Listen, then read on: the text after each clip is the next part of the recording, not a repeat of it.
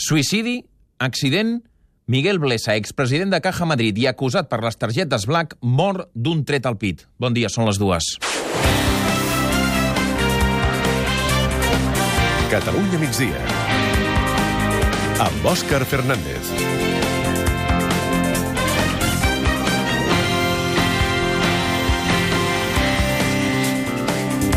Miguel Blesa, expresident de Caja Madrid i que ha estat un dels protagonistes de la crònica judicial en els últims mesos, ha aparegut amb un tret al pit al pàrquing de la finca on havia anat a caçar amb uns amics. La policia manté totes les línies d'investigació obertes, però tot sembla apuntar a un suïcidi. Madrid, Àngels Lafuente.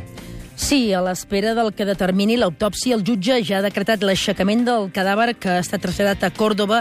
La policia no descarta res, però l'hipòtesi de més pes des del principi és la d'un possible suïcidi, tot i que l'entorn d'amistats de Blessa diu que l'exbanquer no estava deprimit i que confiava que la condemna de 6 anys de presó per les targetes Black no s'executés.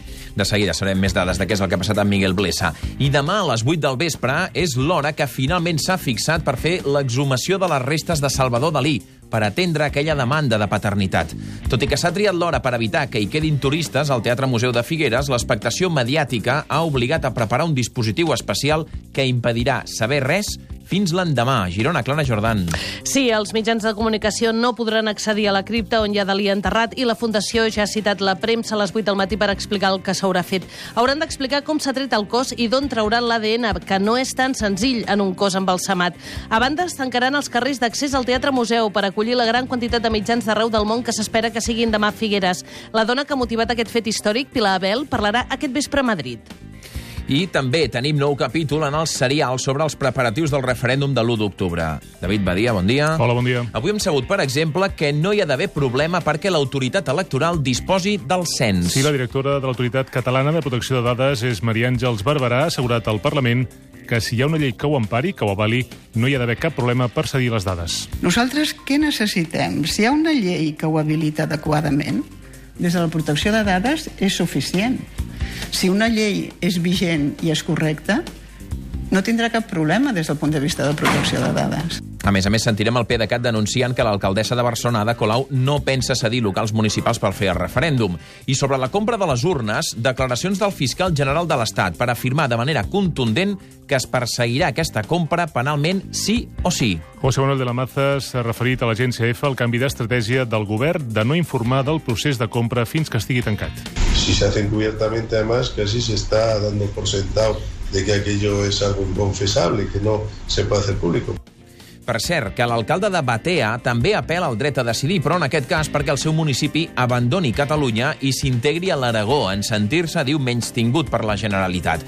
El pas previ a la consulta perquè els 2.000 habitants d'aquest poble de la Terra Alta decideixin és saber si és o no una opció possible. Per resoldre-ho, ja ha demanat reunir-se amb el subdelegat del govern espanyol a Tarragona, també amb el president de la Generalitat. Joaquim Paladella és un independent que es va presentar als comicis amb les sigles del PSC. No es pot estar discriminant contínuament a un poble, senzillament pot ser, no sé per què, el que és evident és que si un pot tindre el dret a decidir per un costat, altres podem tindre el dret a decidir per l'altre.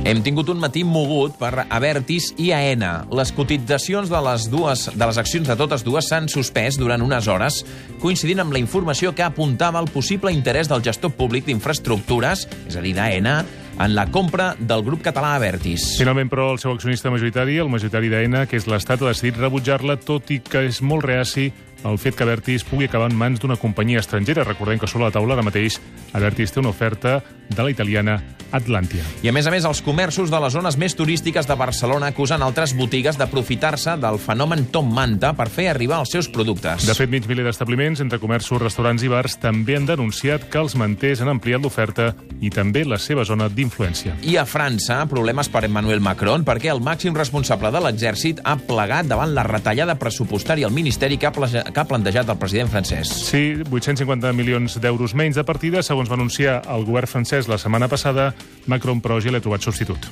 I, a més a més, farem la crònica de tots aquells que ahir veu anar i gaudir a l'Estadi Olímpic de Barcelona del concert de YouTube de U2.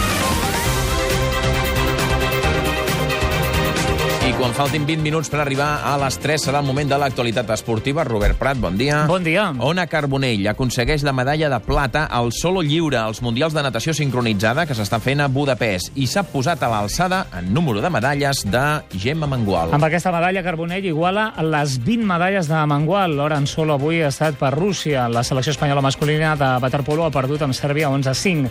Ara, a les dues, l'Espanyol juga el seu primer amistós de pretemporada contra el Persija de Jakarta. Aquest matí s'ha presentat la grada d'animació que portarà el nom de Canito.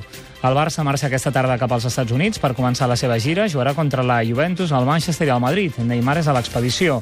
Etapa de muntanya avui al Tour, amb la pujada al Galibier, la primera de les dues etapes alpines importants que queden a la ronda francesa. D'aquests temes en parlem als esports del Catalunya migdia.